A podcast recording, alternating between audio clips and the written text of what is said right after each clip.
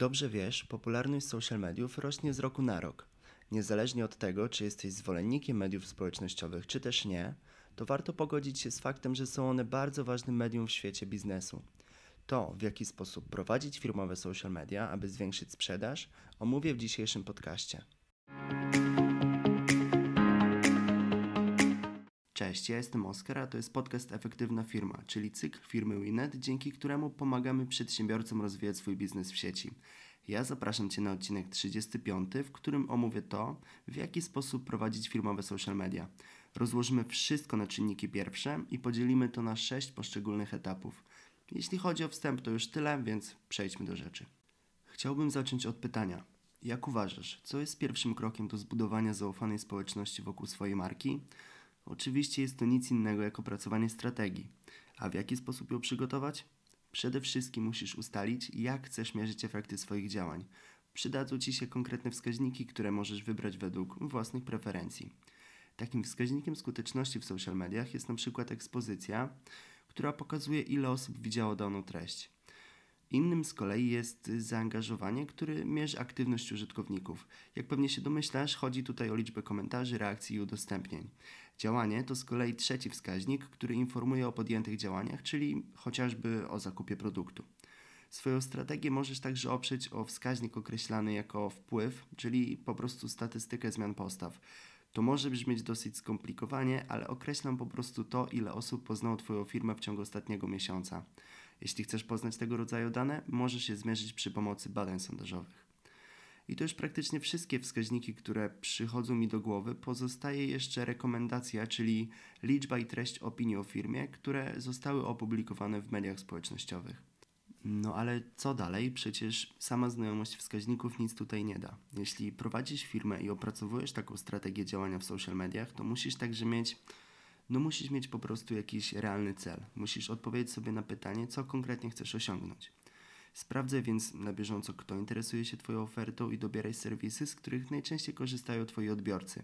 Jako ciekawostkę mogę tutaj powiedzieć, że według Data Reportal w 2022 roku z Facebooka korzystało ponad 17 milionów Polaków, z Instagrama z kolei 10 milionów, a na czele tej tabeli stoi YouTube, z którego aktywnie korzysta aż 22 miliony Polaków.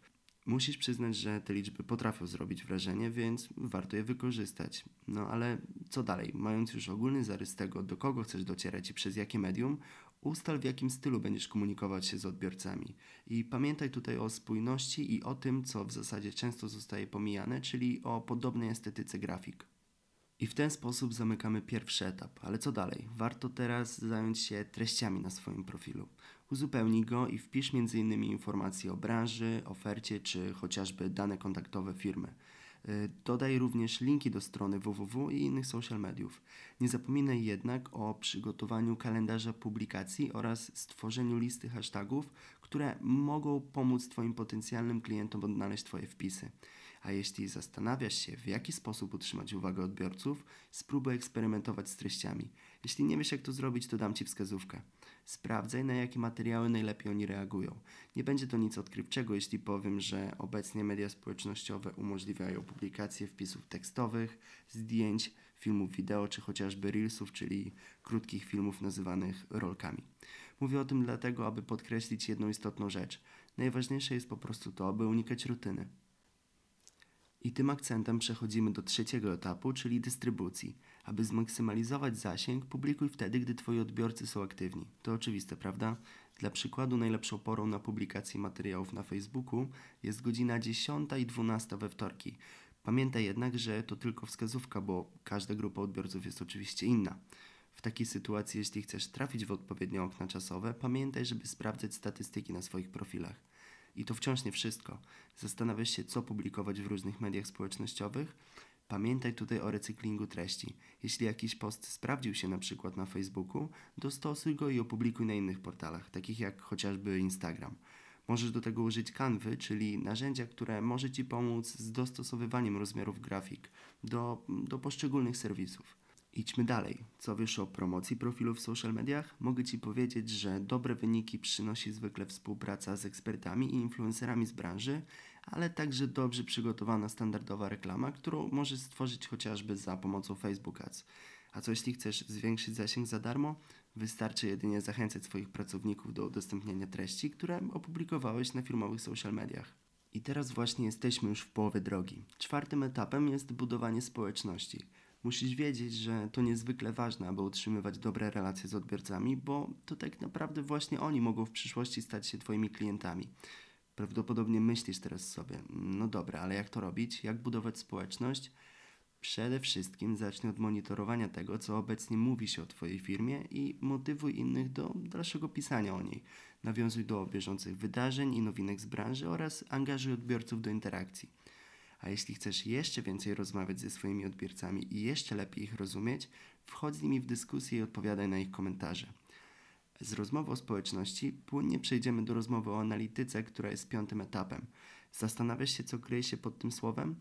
W skrócie chodzi o to, aby stale monitorować strategię konkurencji i odkrywać, co sprawdza się na ich social mediach. Co więcej, monitorować należy także swoich odbiorców. Dlaczego?